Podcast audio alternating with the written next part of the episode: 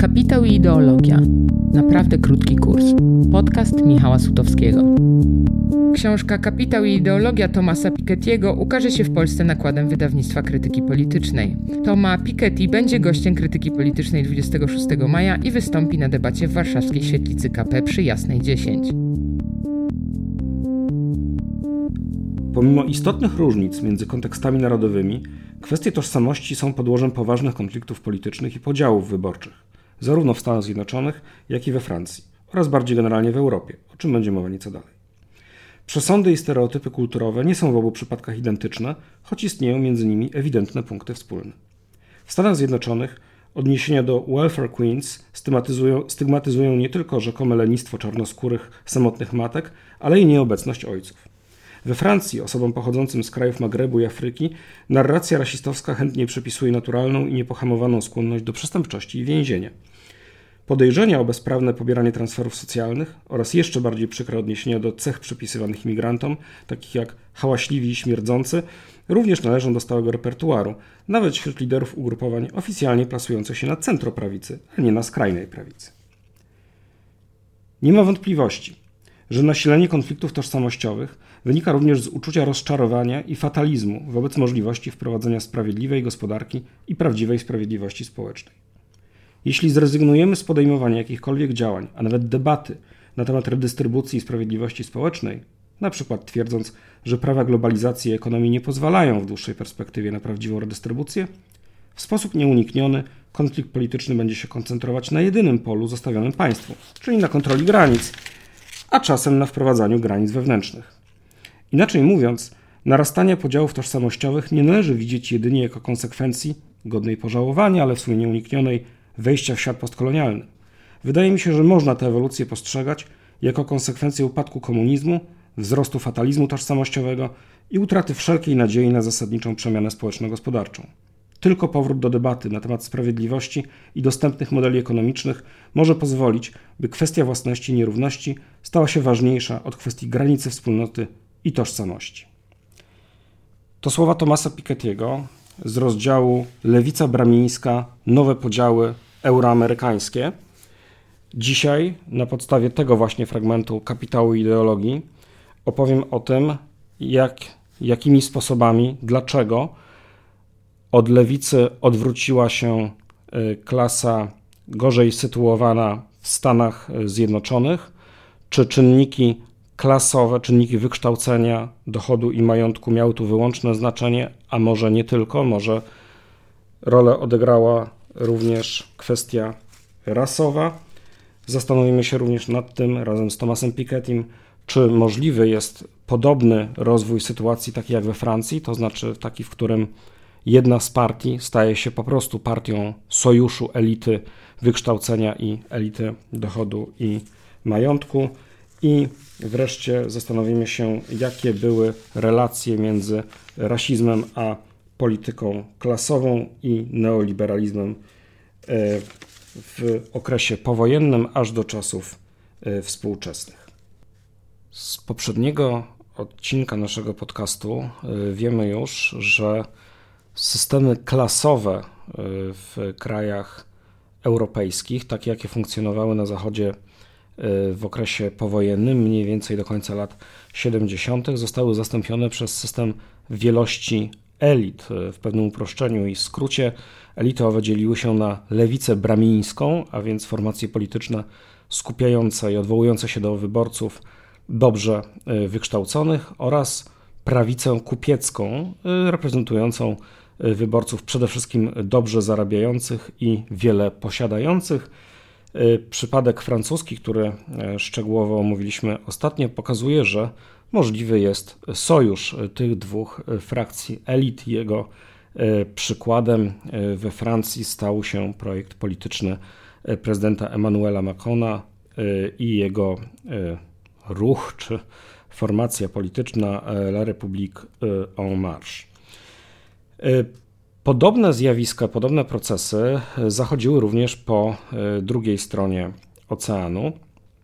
E, to znaczy, doszło do wielkiego odwrócenia preferencji wyborczych e, ze względu na wykształcenie, poziom dochodów i poziom majątku, aczkolwiek w Stanach Zjednoczonych występują też zjawiska mm, nieco inne niż na kontynencie europejskim i o nich postaram się dość szczegółowo opowiedzieć. Ale zacznijmy od tego, że główny trend jest podobny. To znaczy, jeśli weźmiemy e, wyniki wyborów z 1946 roku, wygrał wówczas demokrata Harry Truman. Partia Demokratyczna e, reprezentuje tutaj lewą stronę e, sporu politycznego, republikanie prawą. I pewien wzorzec zgadza się z tym, który znamy z krajów europejskich, to znaczy wyborcy z wykształceniem e, podstawowym lub poniżej e, w 62% głosują na e, reprezentanta demokratów, ci z wykształceniem średnim już tylko w 50%, a jeśli mają wykształcenie wyższe, wówczas demokrata otrzymuje zaledwie 30% głosów w tej grupie. Dla porównania, rok 2016 to są wybory, w których z kandydatką demokratów Hillary Clinton e, wygrywa e, wybory reprezentujące republikanów Donald Trump. I tu sytuacja zmienia się już bardzo wyraźnie, bo o ile wśród wyborców z wykształceniem podstawowym dalej wygrywa kandydatka demokratów, za chwilę o tym powiemy skąd się to wzięło, o tyle w pozostałych grupach E, ten, e, ten wzorzec już zbiega się z tym, który znamy z Europy. E, wśród wyborców z wykształceniem średnim kandydatka demokratów dostaje 45% głosów, wśród ludzi z wykształceniem wyższym z licencjatem 50%, wśród tych, którzy mają magisterium 70%, a wśród wyborców z doktoratem jest ich około 2%, aż 75, 3 czwarte głosuje na e, Hillary e, Clinton. Oczywiście tak samo jak w mm, Europie kontynentalnej e, tłem dla, tego, dla tej zmiany jest no, zmiana zasadnicza struktury społecznej, to znaczy radykalnie zwiększa się liczba osób z wykształceniem średnim i wyższym. W roku 1946 aż 63% wyborców miało wykształcenie podstawowe lub e, poniżej, a tylko 6% miało wykształcenie wyższe. W roku 2016 tych z wykształceniem podstawowym jest ledwie 9%, za średnim aż 59%, z wyższym licencjatem lub magisterium łącznie 30%, plus 2% e, z e, doktoratami. I tutaj warto zaznaczyć ten, to zjawisko nieoczywiste, które niejako y, przeczy ogólnemu trendowi.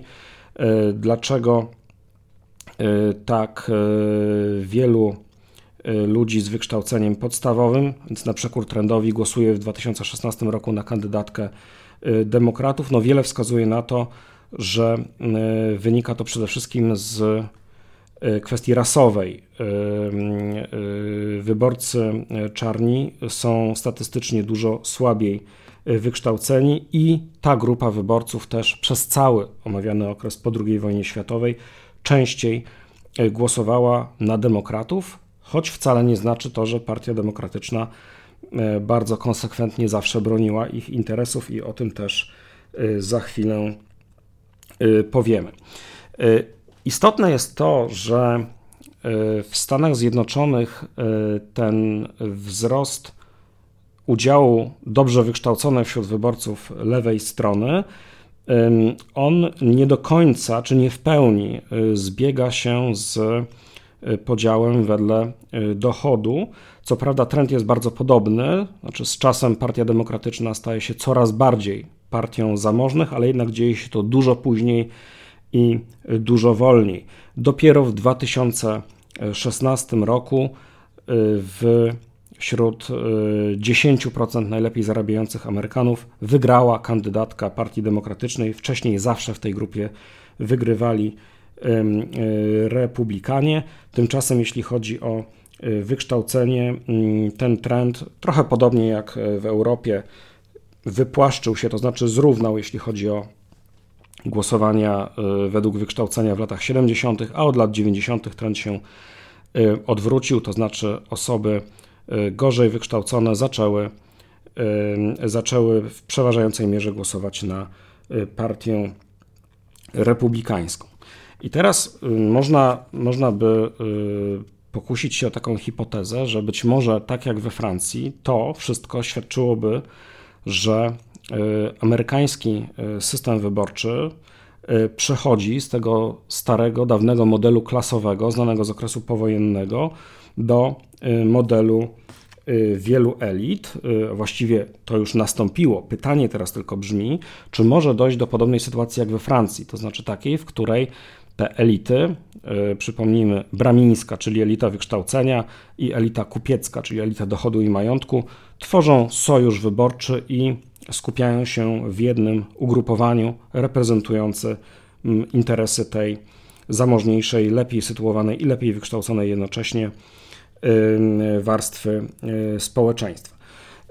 Nie wiadomo, w jakim kierunku ten system będzie ewoluował, ale jak wskazuje Thomas Piketty, Y, wiele jest, y, wiele, wiele przemawia za tym, że do tego, y, że do tego nie dojdzie i niekoniecznie musi się stać tak, że Partia Demokratyczna stanie się po prostu partią zwycięzców globalizacji. Choć przemawiałyby za tym, podkreślmy, powtórzmy niektóre, niektóre trendy. Przede wszystkim bardzo silny wzrost najwyższych wynagrodzeń, zwłaszcza od lat 80., sprawia, że osoby dobrze wykształcone, w Stanach Zjednoczonych przełożenie wykształcenia na zarobki jest bardzo silne, że te osoby e, zaczęły mm, gromadzić od tamtego czasu, a to już 40 lat, e, majątek, w związku z czym e, zachodzi zbliżenie pomiędzy elitami dochodu i elitami majątkowymi. One po prostu zaczynają się ze sobą pokrywać. Jednocześnie w systemie, w którym Uczelnie prywatne, te najbardziej elitarne, są bardzo drogie, a do tego ich przyjęciu, o przyjęciu na te uczelnie często decyduje bardzo nieprzejrzysty, niejasny system y, darowizm.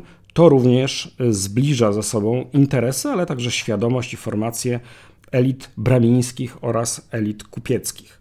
Y, I warto przywołać, że na tych najlepszych uczelniach Y, często więcej jest studentów y, z, pochodzących z rodzin z górnego procenta dochodów niż z dolnych 60%. No to znaczy mniej więcej tyle, że y, kandydat na studia z górnego 1% z rodziny o takich dochodach ma 60 razy większe szanse znaleźć się w takim uniwersytecie niż student z dolnej połowy czy nawet 60% społeczeństwa. No i do tego jeszcze warto dodać, że od 1976 roku w Stanach Zjednoczonych istnieje taka pula specjalnych środków publicznych na e, kampanię i e, przyjmowanie takich środków przez kandydata jednocześnie powoduje, nakłada pewne ograniczenia na, na jego wydatki kampanijne, przy czym można z tych wydatków publicznych zrezygnować, co oczywiście otwiera bardzo szeroko drogę do finansowania y, kampanii przez najbogatszych aktorów, przez wielki biznes, przez korporacje. Dodajmy, że Sąd Najwyższy y, zniósł y, ograniczenia datków korporacyjnych w imię obrony wolności wypowiedzi. No i tu ciekawy paradoks. Partia teoretycznie bardziej postępowa, czy kandydat teoretycznie bardziej postępowy Barack Obama był pierwszym, który zrezygnował z tego, z tego publicznego dofinansowania, dzięki czemu mógł sposób praktycznie nieograniczony wydawać środki na kampanię. A zatem te elementy sugerowałyby, że taki wielki sojusz elit byłby w Stanach Zjednoczonych możliwy i w końcu pogodzenie ich interesów w ramach jednej formacji politycznej. No ale z drugiej strony, pokazuje Thomas Piketty, zwłaszcza ostatnie wybory, czy wybory ostatnich y, kilku, kilkunastu lat pokazują bardzo silne różnice ideologiczne, ideologiczno-kulturowe y, obydwu elit. Y, szczególnie w 2016 roku ten, ten podział bardzo wyraźnie dał znać o sobie wraz z kandydaturą Donalda Trumpa i yy, można powiedzieć, że z jednej strony stanęła kandydatka formacji, która e, głosiła jako swoje ideały takie wyważenie, zrównoważenie, kompetencje, e, e, otwartą, liberalną kulturę polityczną i kulturę debaty. Z drugiej strony taką, mm, taka męska skuteczność, zdolność radzenia sobie, zawierania nie tyle kompromisów, ile doprowadzenia, doprowadzania do załatwienia różnych spraw, making a deal. To było to hasło, które którym e, e, Donald Trump posługiwał się bardzo często, e, a zatem stanęły naprzeciwko siebie takie dwie bardzo różne ideologie merytokratyczne. To znaczy jedna skupiająca się na wykształceniu jako tej, tej centralnej wartości, ale z drugiej strony ta stawiająca na pierwszym miejscu sukces w biznesie. No i wiele również wskazuje na to, że taka zbudowanie takiej formacji, która miałaby się opierać na zwycięzcach globalizacji, trochę na wzór makronowskiej La République en Marche, no, y, bardzo ułatwiałoby y, sprowadzenie konfliktu y, do ram elita versus lud, no i narażałoby taką formację na silną kontrę taką społeczno-natywistyczną, czy kupiecko-natywistyczną, jak mówi Thomas Piketty. I także wiele wskazuje na to, zwłaszcza wybory 2016 i 2020 roku, że pojawiają się w Partii Demokratycznej nurty, reprezentowane chociażby przez senatora z Vermont Berniego Sandersa, ale także kilkoro młodych kongresmenek i kongresmenów, Y, odwołujących się do, do bardziej y, egalitarnych y, ideałów, próbujących łączyć narrację egalitarną społeczno-ekonomicznie oraz inkluzywną i solidarystyczną w poprzek podziałów, podziałów rasowych. Co z tego wyniknie na przyszłość? Tego jeszcze nie wiemy. Wiemy na pewno, że na razie o takim, taki sojusz sojusz elit w jednej partii e, na wzór francuski trudno sobie w Stanach Zjednoczonych e, wyobrazić. A trudno go sobie wyobrazić, e, no właśnie, między innymi ze, względów, ze względu na kwestię rasową. Przypomnijmy, że nie zawsze było tak, że to partia demokratyczna, jak czasem chciałaby się widzieć, stawała po tej właściwej stronie, jeśli chodzi o e, równouprawnienie e, mniejszości e, rasowych czy etnicznych. W ogóle na pierwszych 15 prezydentów amerykańskich aż 11 było właścicielami niewolników.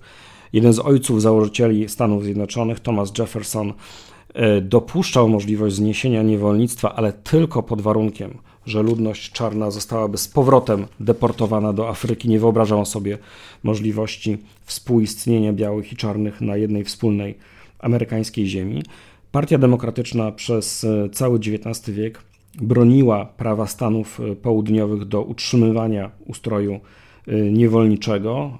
Demokratyczny senator z Karoliny Południowej John Calhoun znany był z piętnowania hipokryzji przemysłowców północy którzy mówili o abolicjonizmie i wyzwoleniu czarnych, a tak naprawdę jego zdaniem chodziło im tylko wyłącznie o uzyskanie tanich pracowników najemnych, to właśnie demokraci w latach 70. XIX wieku przywrócili czy zastąpili dawny ustrój niewolniczy zlikwidowany wskutek wojny secesyjnej y, nowymi mechanizmami y, segregacyjnymi, obowiązującymi niemal przez całe następne y, stulecie. Wreszcie w 1884, po wielu latach, demokraci odzyskali amerykańską prezydenturę, ale właśnie posługując się taką ideologią społecznego natywizmu, która zakładała obronę białych, białych robotników, białych nowych imigrantów, białych farmerów przed zakusami e, republikańskich e, elit z północy, ale oczywiście z tej solidarności przeciw elitom wykluczeni e, mieli być E, e, czarni. E, I w jakimś przełomem, ale niepełnym, niecałkowitym, był oczywiście rooseveltowski New Deal, instytucje państwa opiekuńczego wówczas zbudowane, no, formalnie przynosiły, nie tylko realnie, również przynosiły korzyści wszystkim grupom rasowym czy etnicznym, i białym, i czarnym, aczkolwiek Wiemy, że wiele rozwiązań było skalibrowanych w taki sposób, aby służyły najbardziej jednak białym robotnikom. No i wynikało to oczywiście z bardzo silnych wpływów segregacjonistów z południa w Partii Demokratycznej, od których głosów w kongresie prezydent Roosevelt był bardzo, bardzo mocno zależny. I przełom następuje tak naprawdę dopiero w latach 60. Y, do tego momentu czarni nieco częściej na północy głosują na partię demokratyczną, y, na południu nie, zresztą na południu bardzo często w ogóle nie są w stanie głosować, gdyż ze względu na różne mechanizmy formalne i formalne segregacyjne są oni de facto pozbawieni E, praw, e, praw wyborczych. W połowie lat 60. bardzo wiele się zmienia. Ruch na rzecz praw obywatelskich, który najsilniej pewnie kojarzymy z nazwiskiem Martina Luthera Kinga, doprowadza do takiego radykalnego przewrotu w samej partii demokratycznej i hegemonii tych północnych demokratów, którzy czynią ruch praw obywatelskich elementem, częścią agendy całej partii demokratycznej przy wyraźnym sprzeciwie demokratów y, południowych. I to przekłada się bardzo wyraźnie na wyniki wyborcze, jakie wśród ludności białej osiąga Partia Demokratyczna. I te wskaźniki są dość wstrząsające. Otóż e, w roku 1964 y, na Partię Demokratyczną głosuje 60% białych. To są wybory, które wygrywa prezydent Lyndon Johnson. W roku 68, 4 lata później, to już jest tylko 44%, a w 1972 już tylko 32% białych. Następuje rzeczywiście zasadnicza zmiana, zasadnicze odejście istotnej części białych wyborców, zwłaszcza z południa, E, w kierunku najpierw niezależnego kandydata z Alabamy, George'a Wallace'a, e, bardzo prawicowego segregacjonisty, rasisty, a potem jego głosy przejmuje w 1972 roku e, Richard, Richard Nixon. To poparcie dla Partii Demokratycznej od lat 70.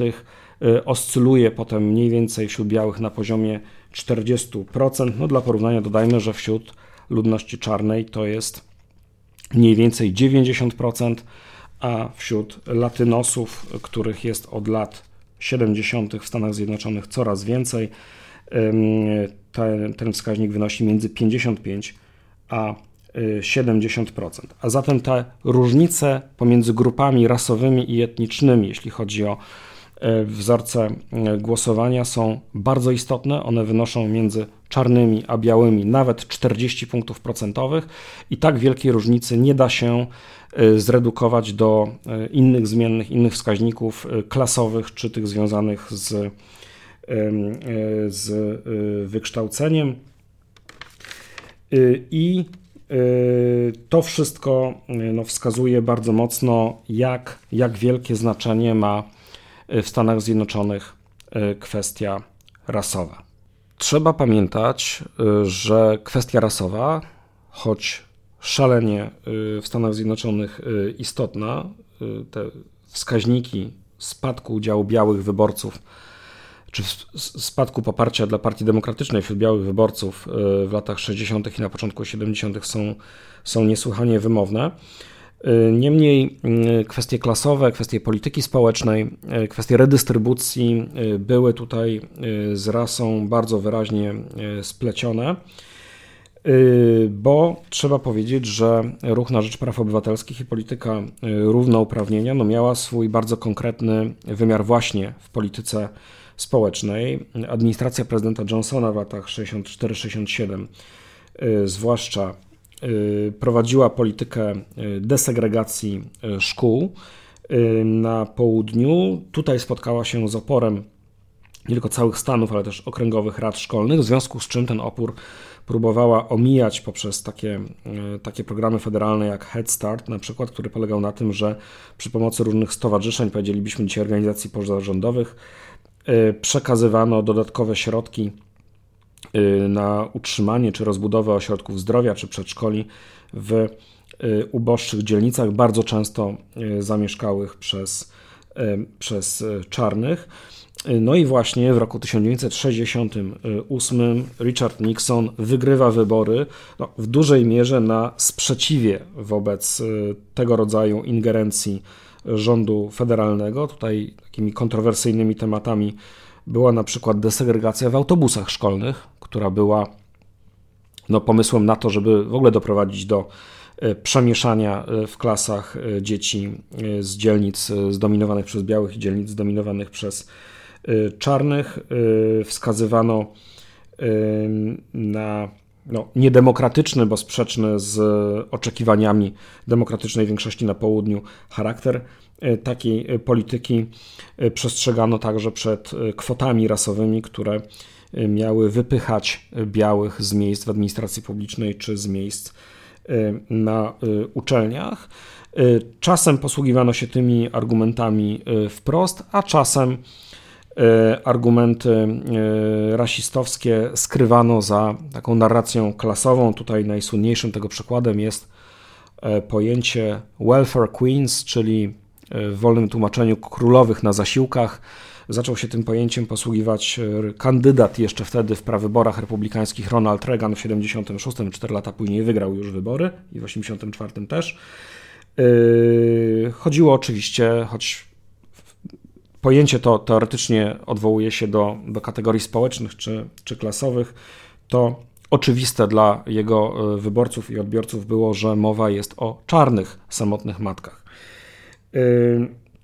I Y, y, w ten sposób, to znaczy za pomocą nastrojów rasistowskich, czy podsycania nastrojów rasistowskich, prowadzono czy krytykę programów New Dealu, czy tych wywodzących się z Rooseveltowskiego New Dealu i późniejszych programów prezydenta Johnsona, programów wielkiego społeczeństwa, a więc bardzo wielu federalnych programów polityki społecznej, która miała Y, wyrównywać szanse y, w oświacie i nie tylko, no i która ze względu na no, fakt, że y, w klasach niższych, tych gorzej sytuowanych, gorzej wykształconych, dużą część, duży odsetek stanowili czarni.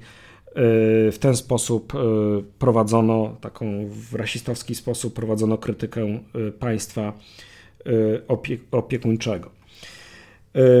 Warto może powiedzieć, że mm, ta kwestia rasowa jest ciekawa na tle tego w Stanach Zjednoczonych, na tle tego, jak to wygląda w, w Europie kontynentalnej, przede wszystkim we Francji. Taką mniejszością we Francji, e, mniejszością czy tożsamością mniejszościową, szczególnie istotną są oczywiście muzułmanie, przede wszystkim potomkowie imigracji takiej postkolonialnej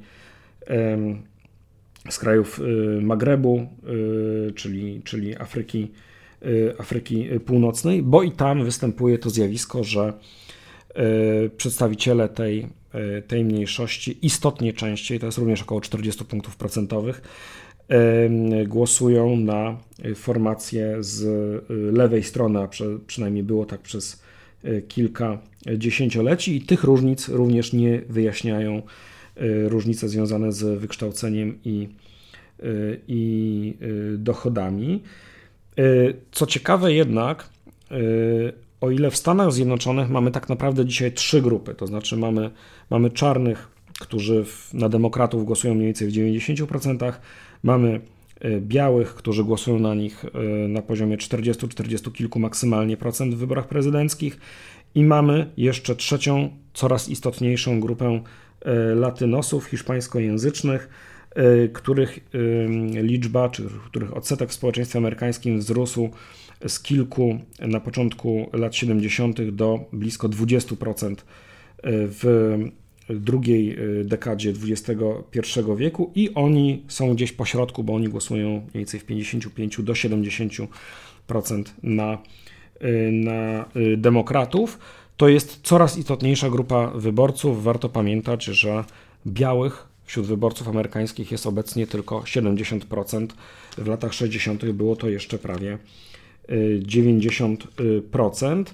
Y, y, co ciekawe, we Francji ta, y, ten udział ludności niefrancuskiej, czyli no, takiej, której przynajmniej jeden dziadek, czy jedna dziadek lub babcia pochodzili spoza Francji. To jest około 30% ludności, ale z tego aż 20% z tych 30 to jest to są ludzie pochodzenia europejskiego, przede wszystkim o korzeniach we Włoszech, w Hiszpanii czy w Portugalii, także w Polsce. I ta część głosuje bardzo podobnie jak ta ludność etnicznie francuska. I co jest też bardzo istotne, sprawa etnosu w, we Francji jest dużo bardziej płynna. Ta kategoria jest mniej ostra niż kategorie rasowe i etniczne. W Stanach Zjednoczonych to wynika z tego, że w Stanach Zjednoczonych prowadzone są spisy ludności, w których trzeba się zadeklarować, do jakiej grupy etnicznej się bądź rasowej przynależy. Istotne jest również to, że do przynajmniej końca XIX wieku i często też później e, w spisach ludności stosowano zasadę. Tak one drop rule, zasada jednej kropli, to znaczy jeśli ktokolwiek z potomków, e, przepraszam, przodków danej osoby był niewolnikiem bądź potomkiem niewolników czarnych, e, traktowano jego lub ją jako, jako właśnie osobę czarną.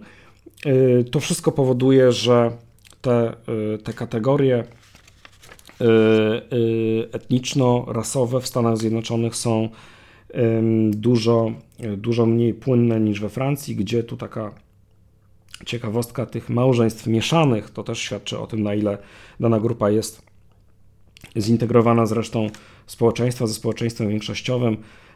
W przypadku Francji te wskaźniki wynoszą od 10 do nawet 60 w zależności od y, kraju pochodzenia. Ludzie pochodzący czy mający pochodzenie w krajach Magrebu są tutaj gdzieś po środku. Natomiast no, w przypadku y, czarnych w Stanach Zjednoczonych y, ten wskaźnik jest dużo niższy. On wynosi około 15%, a do lat 60. w wielu stanach południa małżeństwa mieszane były w ogóle zakazane.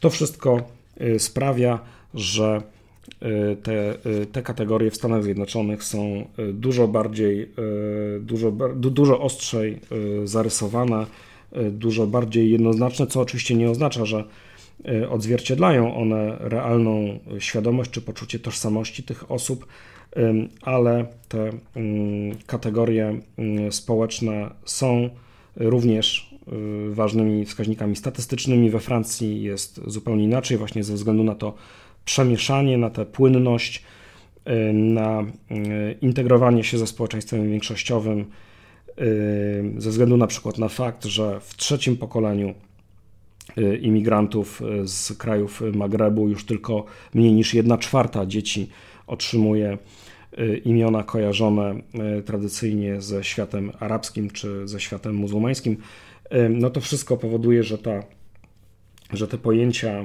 e, tożsamości etnicznej są dużo, e, dużo bardziej e, płynne. Pytanie brzmi zatem, czy to odejście białych od partii demokratycznej tłumaczyć można rasizmem klas niższych, białych klas niższych z południa.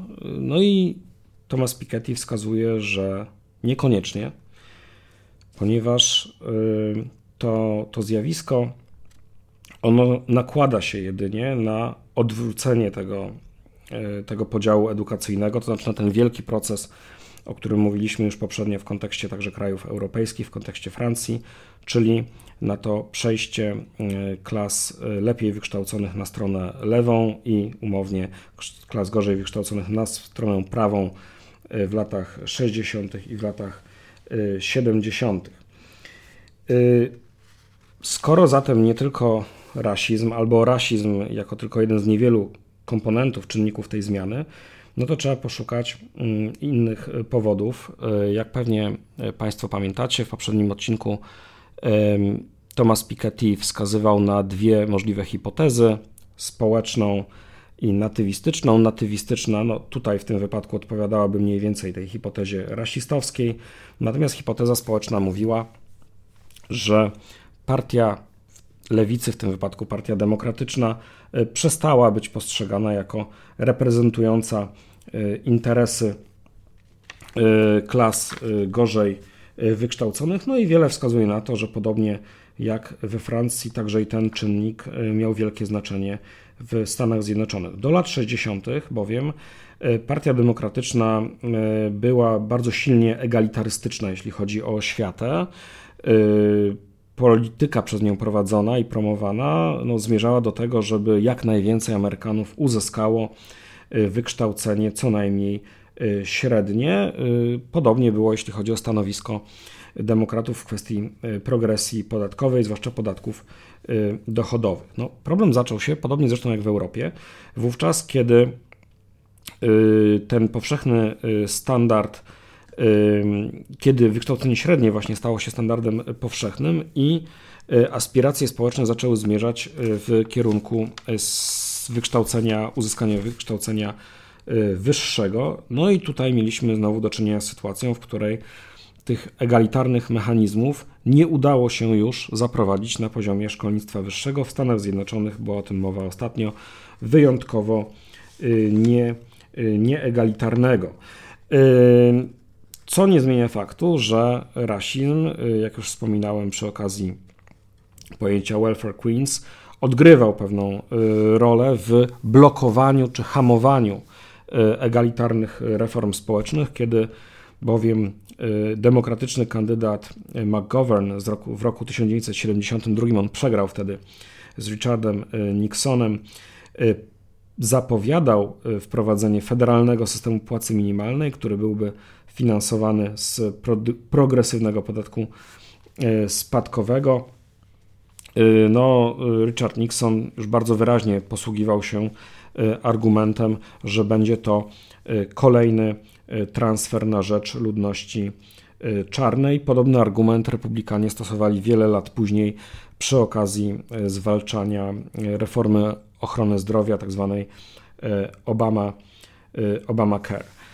I w tej całej sytuacji w drugiej połowie lat 70. na scenie politycznej, na krajowej, ogólnokrajowej scenie politycznej pojawił się Ronald Reagan, w 76 jeszcze przegrał prawybory, ale w 80 je wygrał w Partii Republikańskiej i wygrał również wybory ogólnokrajowe yy, z przekazem głoszącym, że niepowodzenia Ameryki w ostatniej dekadzie, pamiętajmy, że to jest lata 70. to czas przegranej wojny w Wietnamie, to czas afery Watergate, która podważa zaufanie do amerykańskich elit, to wielomiesięczna okupacja ambasady amerykańskiej w Teheranie i rewolucja, bardzo antyamerykańska rewolucja Ayatollaha Khomeiniego w Iranie, wreszcie to rosnąca konkurencyjność gospodarek Niemiec i Japonii, a więc przegranych w II wojnie światowej ze Stanami Zjednoczonymi zwycięzcą w tejże wojnie.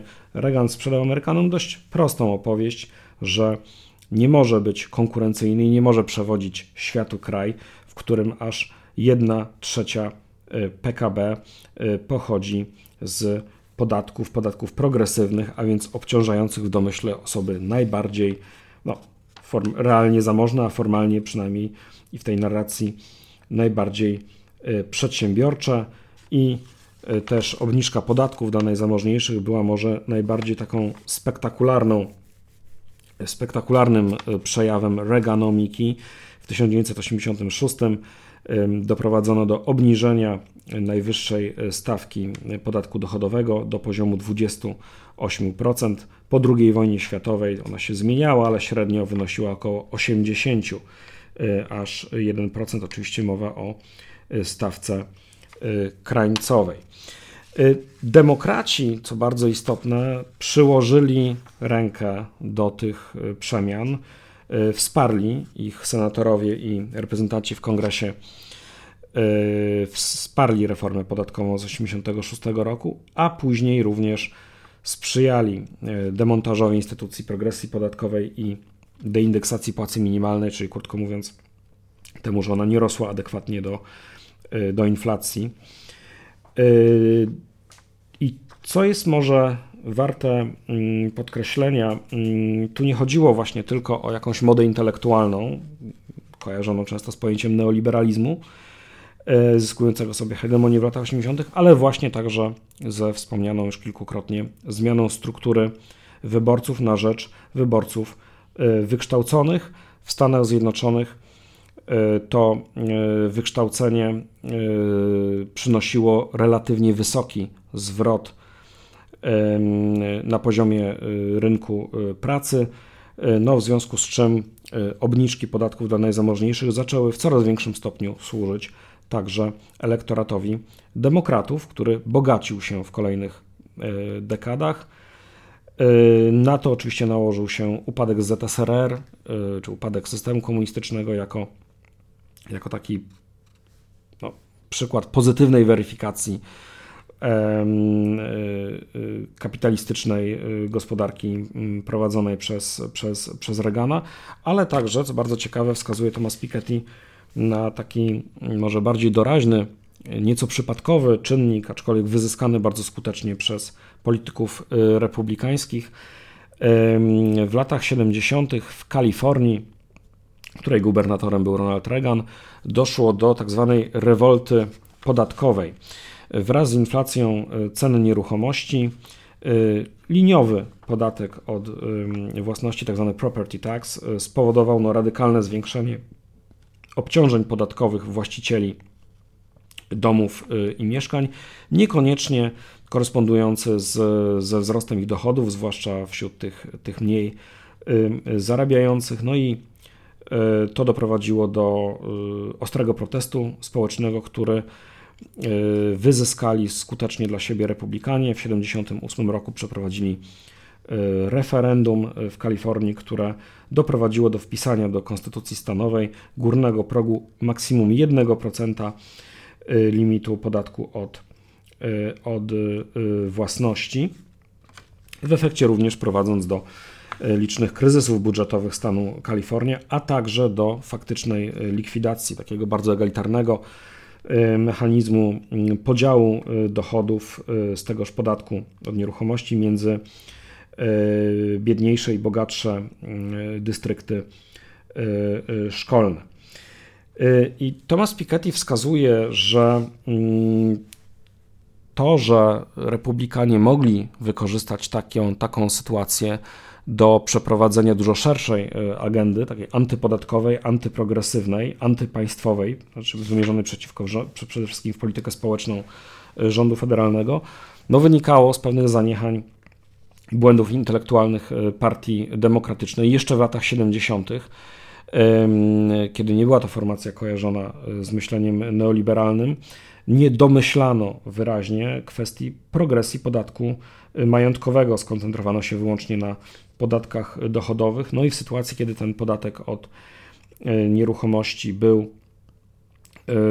był liczony w sposób liniowy, Y, niezależnie od tego, czy nieruchomość była obciążona długiem, no to wywołało rzeczywiście dość niesprawiedliwie, niesprawiedliwie y, y, dotkliwy efekt dla, dla wyborców mniej zarabiających.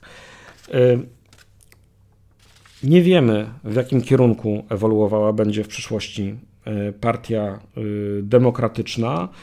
Aczkolwiek doświadczenie kryzysu roku 2008, no i ostatnie wybory e, prezydenckie, wybory 2016 i wybory 2020 roku, no, wskazują, że partia ta ma jednak pewne e, szanse e, skręcić z powrotem w lewo, to znaczy w kierunku większej redystrybucji i większej progresji podatkowej także większej regulacji rynków, zwłaszcza rynków finansowych. W 2020 roku w kampanii wyborczej pojawiły się już takie propozycje jak publiczne ubezpieczenie zdrowotne dla każdego, jak wprowadzenie podziału głosów między akcjonariuszy i pracowników w radach dyrektorów przedsiębiorstw, jak federalny podatek majątkowy, wreszcie jak progresywny podatek dochodowy, a zwłaszcza spadkowy. E, kontekstem dla tych e, zmian jest Zielony Nowy Ład, o którym akurat Thomas Piketty pisze niezbyt wiele, niemniej e, jest to kierunek jakoś, jakoś obiecujący i sugerujący, że być może Partia Demokratyczna zawróci ze ścieżki sprzyjania przede wszystkim interesom osób najzamożniejszych, najlepiej sytuowanych i tylko tych najlepiej wykształconych. Thomas Piketty w rozdziale, o którym dzisiaj opowiadam, koncentruje się na dwóch krajach. Ja opowiedziałem o Stanach Zjednoczonych, jest jeszcze Wielka Brytania, ale to już będzie druga połowa rozdziału. Zachęcam do lektury, zachęcam do słuchania kolejnych odcinków podcastu Kapitał i Ideologia na stronę www.krytykapolityczna.pl ukośnik podcast, a także na platformy podcastowe takie jak SoundCloud, e, Google e, Podcast czy Apple Podcast, a także oczywiście Spotify. Dziękuję bardzo. Ja nazywam się Michał Sutowski. Do usłyszenia.